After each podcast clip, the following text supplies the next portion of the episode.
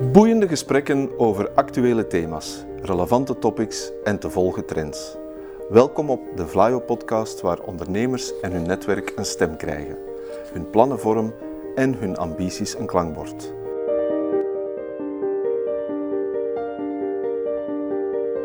To the point waar het kan, dieper gravend waar het moet. Inspirerend, informerend, ondersteunend. Van artificial intelligence, blockchain en circulaire economie tot digitale zorg.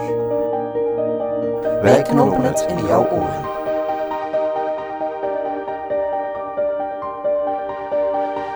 Fijn dat we opnieuw in onze vertrouwde studio in Leuven kunnen opnemen. En met Mark Andries, administrateur-generaal van Vlaio, het Vlaams Agentschap Innoveren en Ondernemen, hebben we een bijzondere gast in de studio om dat heugelijke feit te vieren. Welkom Mark. Dankjewel. We zullen het vandaag vooral over innoveren hebben. En we doen dat aan de hand van het boek How Innovation Works van Matt Ridley. Maar misschien kan je eerst kort vertellen wat we zeker moeten weten over het agentschap Innoveren en Ondernemen. Wat is jouw elevator pitch? Voor valt heel veel te vertellen voor wie ons niet zou kennen. Wij zijn dus het agentschap Innoveren en Ondernemen. En onze naam zegt eigenlijk wel waarvoor wij staan. We zijn het Vlaamse overheidsagentschap dat die innovatie in Vlaanderen probeert te stimuleren en het ondernemerschap en de liefste beide tegelijk. En we doen dat door een hele reeks uh, dienstverlening, steun aan te bieden aan onze klanten. En dat zijn de ondernemingen. Uh, steun, uh, financiële steun, begeleiding, advies, informatie. Dat is wat wij doen.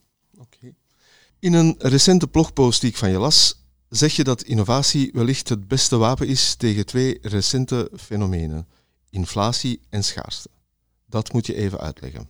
Ja, ik had het idee gevonden in een uh, stuk van Rana Forohar. Dat is de uh, economische analist van CNN. En die had een stuk geschreven in de Financial Times, uh, waar ze zegt, ja, in innovatie kan iets doen aan de inflatie. En dat wordt te weinig erkend. Als we over inflatie denken, denken we dikwijls aan de financiële markten, de, de geldprijzen, de ingrepen van de centrale banken. Maar het is innovatie die er echt iets kan aan doen. En dat lijkt me ook logisch. Hè. Inflatie komt voort uit schaarste. Er is meer vraag naar allerlei goederen en diensten dan de markt kan leveren. Wel, het is door innovatie dat we die schaarste ook kunnen doorbreken. We kunnen manieren vinden om bijvoorbeeld vervangingsproducten te vinden van wat te duur is. Of we kunnen materiaalbesparingen doorvoeren. En dat is wat met innovatie eigenlijk kan gebeuren. En als je bijvoorbeeld naar het hele concrete, heel actuele geval kijkt van de hoge energieprijzen, ja, wat kan ons helpen om minder afhankelijk te zijn van fossiele brandstoffen, die, die enkel vervuilend zijn, maar nu ook heel duur. Dat is natuurlijk hernieuwbare energie. En hernieuwbare energie, die is er natuurlijk al, maar die kan goedkoper gemaakt worden, meer beschikbaar, permanent beschikbaar, door innovatie. Dus het is een voorbeeld van hoe innovatie ons eigenlijk op langere termijn van die inflatie zou kunnen verlossen.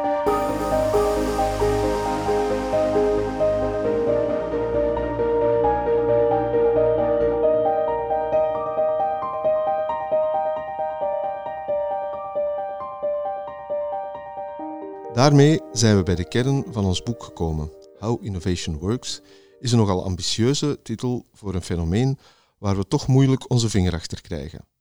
Maar als we willen weten hoe iets werkt, moeten we misschien eerst proberen te achterhalen wat innovatie is. De schrijver maakt daarbij een onderscheid tussen inventions, uitvindingen, en innovations. Ja, met Ridley uh, benadrukt dat heel, heel sterk. En trouwens, een boek dat ik echt aanbeveel, hè, voor alle duidelijkheid, is How Innovation Works. De titel alleen al spreekt tot de verbeelding. Het is wat we willen weten als we ermee bezig zijn. En hij maakt heel sterk dat onderscheid. Dat is juist tussen wat uh, uitvinders doen en wat echt gebeurt in het kader van innovatie. Uitvinding, ja, dat is de vinding, dat is de uh, technologische doorbraak die bereikt wordt, de technologische oplossing voor een bepaald probleem. Maar daarom hebben we nog geen innovatie. Innovatie gaan we pas krijgen als we dat echt naar de markt, naar de mensen kunnen brengen en dat op een betaalbare manier. En het hele innovatieproces start eigenlijk maar nadat de uitvinding gebeurd is. Dan moet er nog heel veel gebeuren, dan moet er nog heel veel geïnnoveerd worden. En uh, daar legt hij heel sterk de nadruk op dat we ons niet te veel mogen blindstaren enkel op dat uitvinden, maar ook op het hele proces dat daarop volgt.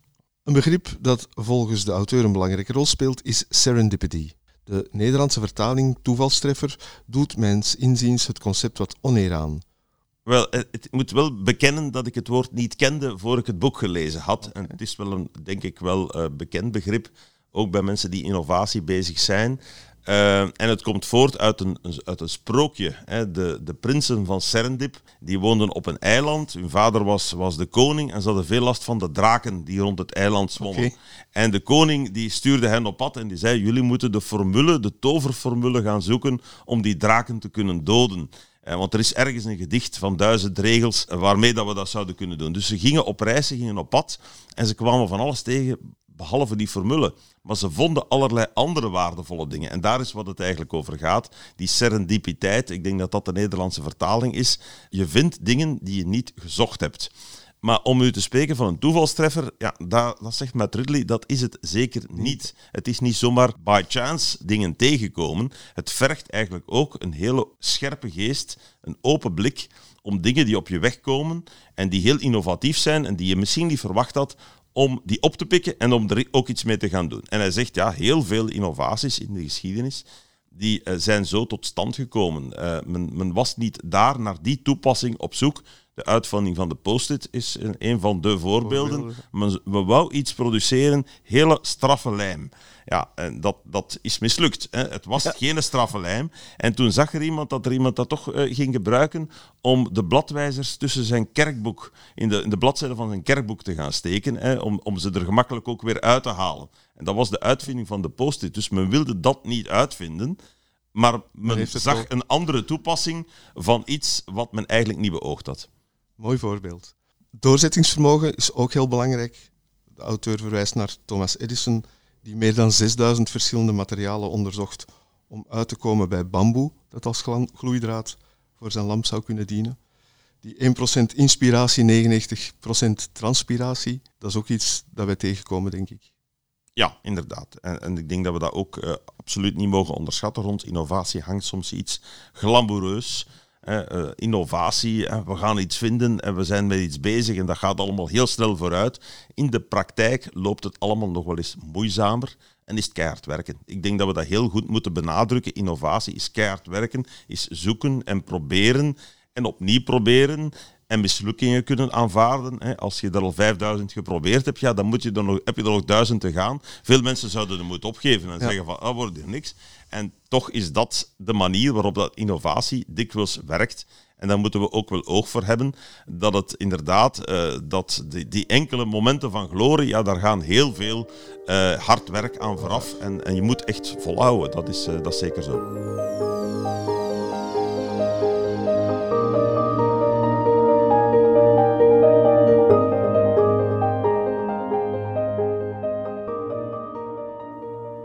Het boek zit ingenieus in elkaar. Eerst grossiert de schrijver in een aantal spraakmakende innovatieverhalen uit heel uiteenlopende sectoren, van penicilline tot de ontploffingsmotor, van de golfplaat tot CRISPR. Heel boeiend en leerrijk. En vervolgens trekt hij daaruit een aantal conclusies, elementen die ze alle gemeenschappelijk hebben. Innovation happens when ideas have sex, schrijft hij. Dat vind ik een goede om mee te starten. Hij verwijst er onder andere mee naar de chemische sector, waar innovaties het best floreren in een ecosysteem van innovatie. Ja, als het gaat over ecosystemen die innovatie stimuleren, dat klinkt ons als muziek in de oren. Het voorbeeld dat, dat met Ridley daar geeft uit de chemische sector, dat is het stand komen van het Haber-Bosch-procedé om ammoniak te kunnen maken waar dat we uiteindelijk het kunstmest aan te danken hebben. Gigantische doorbraak ook voor de landbouw en voor de voedingsproductie. Dus een gigantisch belangrijke innovatie. En uh, ja, hij beschrijft dat nogal, nogal uitgebreid van hoe dat, dat tot stand gekomen is. Ook wel een heel interessant verhaal. het is ondertussen meer dan 100 jaar geleden. Hè. Het was aan het begin van de 20e eeuw. En dat toen al ecosystemen zo belangrijk waren dat men uh, zaken moest gaan aftoetsen in andere sectoren van de economie, in andere disciplines van de wetenschap, om bepaalde oplossingen voor dat probleem eigenlijk te kunnen bedenken, ja, dat is natuurlijk zeer interessant. Vaak wordt er Haber-Bosch, veel mensen denken, ah ja, dat gaat dan die, die wetenschapper meneer Haber en gaat de industrieel van BASF meneer Bosch. En ja, die werkten samen en zo is dat tot stand gekomen. Dat blijkt een veel groter team te zijn, een gigantisch team dat zij ter hadden. En die mensen hadden allemaal heel veel connecties in andere sectoren van de industrie waar dat ze hun oplossingen voor de problemen die ze tegenkwamen vandaan hielden. En anders was het niet gelukt. Dus eigenlijk hadden ze een ecosysteem en daar is die innovatie vandaan gekomen. En dat is nog altijd vandaag dikwijls het geval.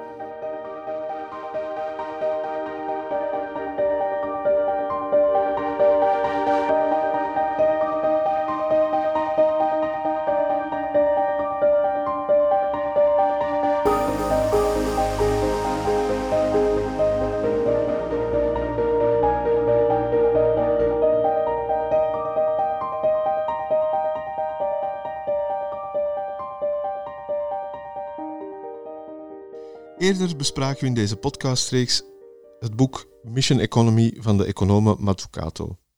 Die wijst op het belang van de overheid bij het tot stand komen van innovaties. Deze auteur laat een heel ander geluid horen. En hij kan het niet nalaten om mislukte overheidsinitiatieven, bijvoorbeeld in de overheid versus de gebroeders Wright, aan de kaak te stellen. Welke positie neem jij in deze discussie in? Ja, dat is natuurlijk een moeilijke, want het, het, is duidelijk dat meneer Ridley het niet zo echt heeft voor de overheid. Hè. En hij zet zich echt zwaar af tegen, tegen Mazzucato, die eigenlijk de overheid bijna centraal stelt in het innovatieproces. Die zegt heel veel innovaties zijn uiteindelijk door de overheid gestuurd en zo moet dat ook gebeuren. Hij, hij, maakt daar brandhout van. Hè. Dus hij, gaat daar nogal, hij besteedt daar nogal wat pagina's aan om haar voorbeelden en haar, haar, argumentatie onderuit te halen. Om uiteindelijk te zeggen, ja, bijna tot de conclusie komen dat de overheid in innovatie niet veel te zoeken heeft en dat je het beter aan de privésector overlaat. Ja, eh, je gaat mij van uh, Vlaio, het agentschap Innoveren en Ondernemen van de Vlaamse overheid, niet horen zeggen dat de overheid niet veel kan bijdragen aan innovatie. Ik denk dat dat trouwens uh, ook niet waar is in de, in de Vlaamse context zien we ook dat heel veel overheidsinitiatieven, denk aan de oprichting van IMEC, de, de oprichting van het Vlaams Instituut voor Biotechnologie, gigantisch door de overheid, door de Vlaamse regeringen van vroeger, gigantische impulsen hebben gegeven aan de innovaties die we vandaag nog altijd kennen. En ook in onze innovatiesteun, en dat hebben we ondertussen ook wetenschappelijk laten onderzoeken, geeft wel degelijk impulsen aan bedrijven om te gaan innoveren. Als we dat niet zouden doen, zou er minder geïnnoveerd worden. Maar uh, ja, dat gezegd zijnde, ja, voel ik toch nogal veel voor wat Ridley zegt. En door de overheid gestuurde innovatie kan in een aantal gevallen interessant zijn. Denk aan wat er in ruimtevaart gebeurt zonder, zonder overheid.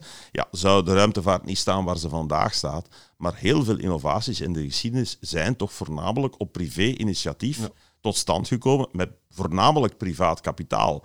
Denk aan, inderdaad, je hebt het voorbeeld gegeven van de gebroeders Wright de uitvinding en de ontwikkeling van de, van de, van de vliegtuigen. Hè. Dat, is inderdaad niet direct door de overheid gestuurd geweest, maar door mensen die dat op privé-initiatief deden en eigenlijk zelf risico's namen met eigen geld of met geleend geld. Ik denk dat het goed is dat wij in Vlaanderen vandaag toch voornamelijk nog voor dat model kiezen, waarbij het ondernemingen zijn die, liefst in samenwerking met kennisinstellingen en anderen, maar dat daar de innovaties plaatsvinden, dat zij het naar de markt brengen en dat wij als overheid begeleidend, ondersteunend, flankerend zijn, maar ons niet in de plaats proberen te stellen van die innoverende bedrijven.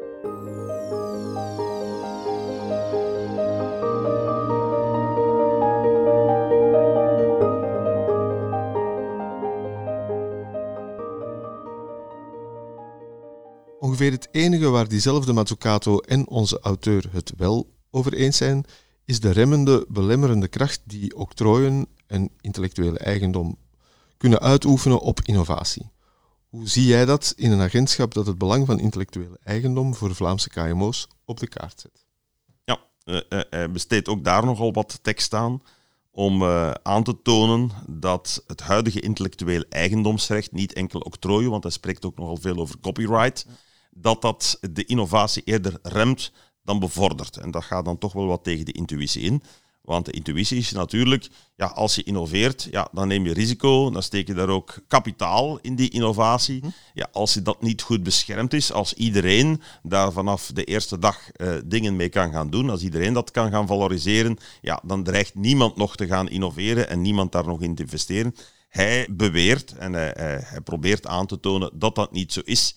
En dat ook zonder intellectueel eigendomsrecht er nog veel, heel veel innovatie zou kunnen plaatsvinden. En dat in een aantal gevallen de octrooivorming of het copyright zelfs uh, remmend werkt. Ja, ik denk dat dat de moeite is om daar een discussie over te voeren, die bijna natuurlijk op, op wereldschaal moet gevoerd worden. Want intellectual property is iets wat internationaal bestaat. Je kan niet als land zeggen, wij gaan daar niet meer aan meedoen. Bij ons zijn er geen patenten of octrooien of copyrights meer, maar in de rest van de wereld wel kan me ook wel voorstellen dat er situaties zijn waarbij er octrooien genomen worden om juist die innovatie tegen te gaan. En om te zeggen, wij nemen dat octrooi en niemand mag er iets mee doen, dus er gebeurt ook niks.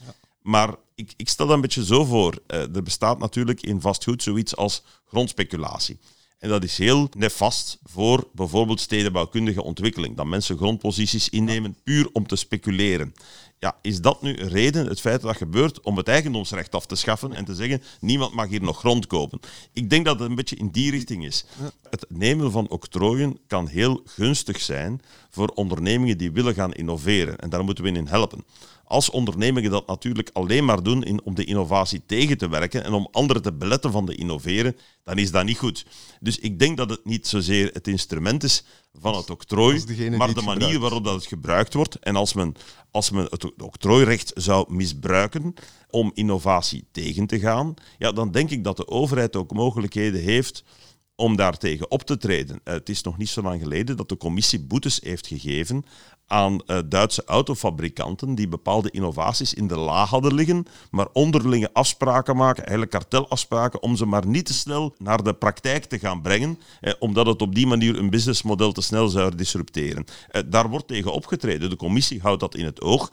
Dus ik denk dat het kind best niet met het badwater wordt weggegooid. En ik denk ook dat wij toch nog altijd de plicht hebben als Flyo om bedrijven die innoveren toch te wijzen op de mogelijkheden die er zijn in verband met intellectueel eigendomsrecht en octrooien en om hen de weg te wijzen en hen dan zelf de keuze te laten maken uh, wat ze daarmee doen.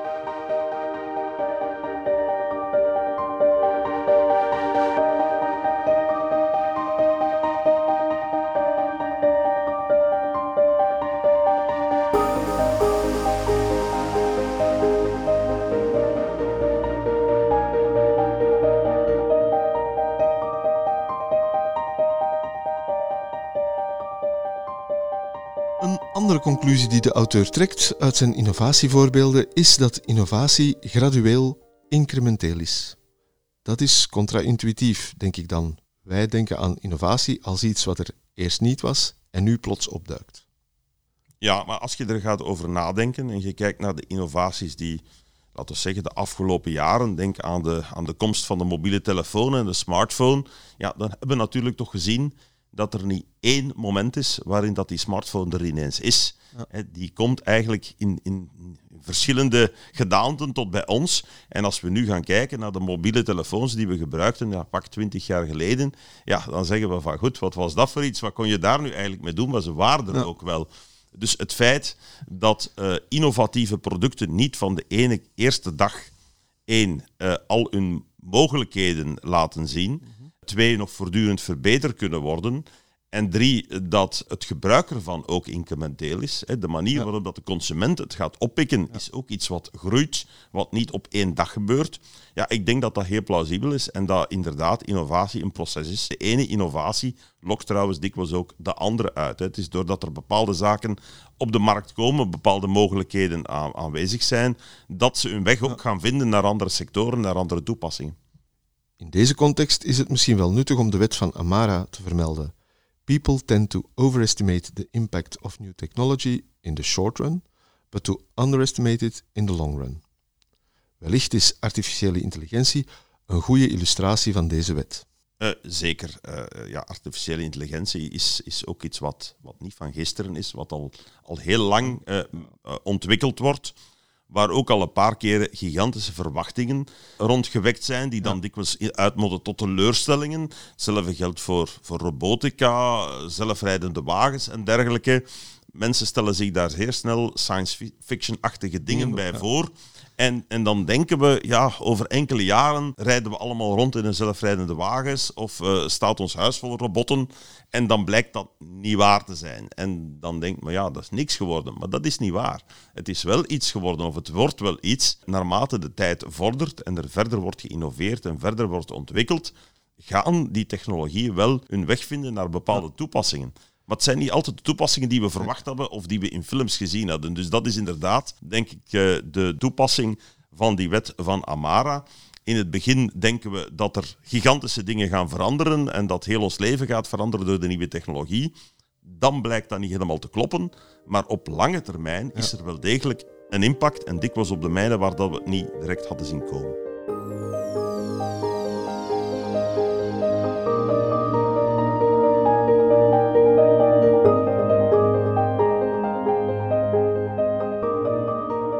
Nog een belangrijke conclusie vind ik, is dat innovatie teamsport lijkt.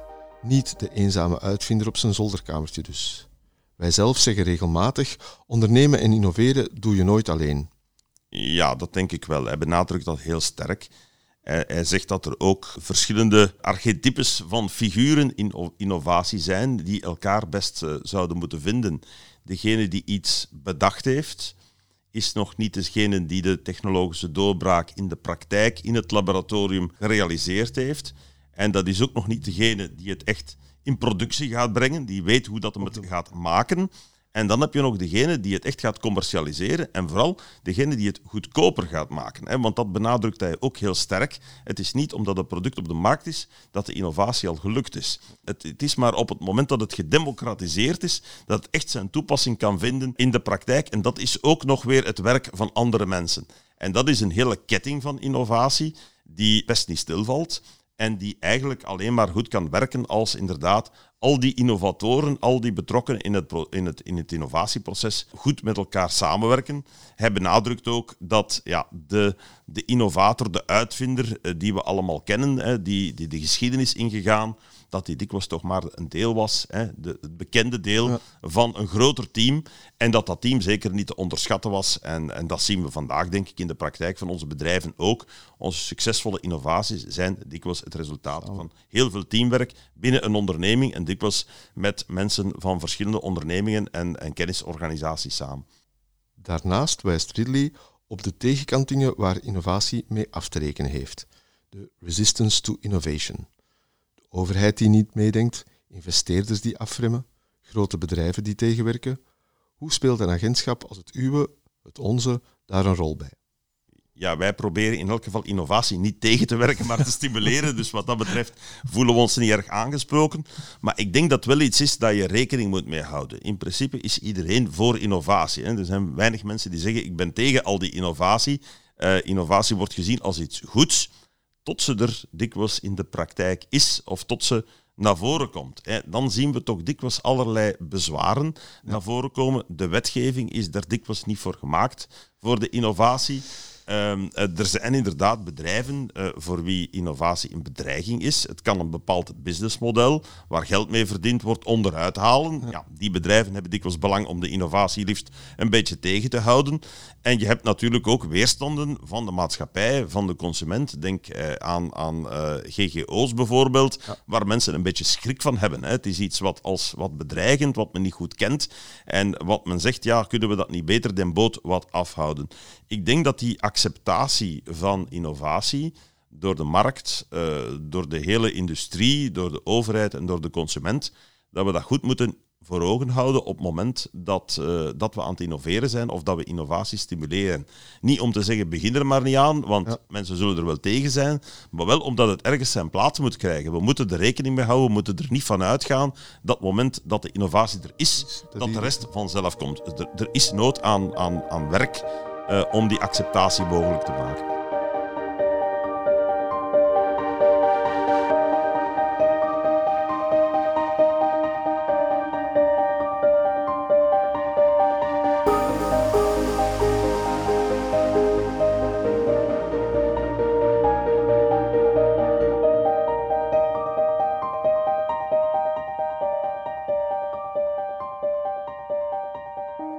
Wil nog even terugkeren naar het begin van ons gesprek, waar je innovatie als een probaat middel tegen inflatie en schaarste zag. Specifieke schaarste die we momenteel zowel in Amerika als in België en Europa zien, is die van talent. Heel wat bedrijven worstelen met het invullen van vacatures. Kan innovatie daaraan verhelpen? Ik ben er zeker van van wel en dat, dat zal ook moeten gebeuren. De, de krapte of de schaarste op de arbeidsmarkt, het is ook een vorm van, van schaarste inderdaad, is, uh, is geen uh, voorbijgaand fenomeen. Hè. Dat gaat er structureel zijn. We steven af op een gigantische vergrijzing van de bevolking. De bevolking op actieve leeftijd gaat afnemen en er is altijd maar meer nood aan inderdaad dat talent uh, voor onze bedrijven en voor onze economie. En het is er onvoldoende. Dus ik denk ook daar dat innoverend denken rond onze bedrijfsprocessen, maar ook inzet van technologie, daar een heel belangrijk deel van de oplossing zal zijn. We zien dat natuurlijk vandaag al in, in onze industrie. De automatisering is daar volop aanwezig. Men maakt de dingen vandaag niet meer zoals ze 30 of 40 jaar geleden gemaakt worden. Maar robotisering, automatisatie zal zijn weg moeten vinden naar veel meer sectoren van onze economie dan enkel de maakindustrie. Je gaat ze ook in de horeca tegenkomen, in de zorg, eh, in de administratie, in de dienstverlening. Gaat op een of andere manier robotisering een oplossing zijn voor het gebrek aan personeel. Wat we kunnen uh, automatiseren, ja, hoeven door mensen niet te laten doen. Maar ook om jobs aantrekkelijk te maken. Want robots worden soms voorgesteld als een bedreiging voor je job. In de feiten komt dat bijna zelden voor dat mensen een job verloren omdat er een robot in hun plaats aangeworven is. Maar het omgekeerde is waar. Heel veel jobs hebben ook onaangename kanten. En automatisering en robotisatie kunnen daar een oplossing voor zijn om het minder leuke deel van het werk aan de robot te geven en de job aantrekkelijker te maken voor de medewerker zelf, die dan niet elders gaat, gaat proberen werk te zoeken, hè, die in die job ook wil gaan stappen. Dus ik denk dat bedrijven die vandaag problemen hebben, en er zijn er heel veel, met het vinden van personeel en die een structurele krapte zien op de arbeidsmarkt, er heel goed aan doen om te kijken hoe dat nieuwe technologie en innovatie daar een oplossing voor kan zijn. Innovatie om werk werkbaar te maken. Om werk gedaan te krijgen en om inderdaad werk werkbaar te maken voor de medewerkers. Dat klopt.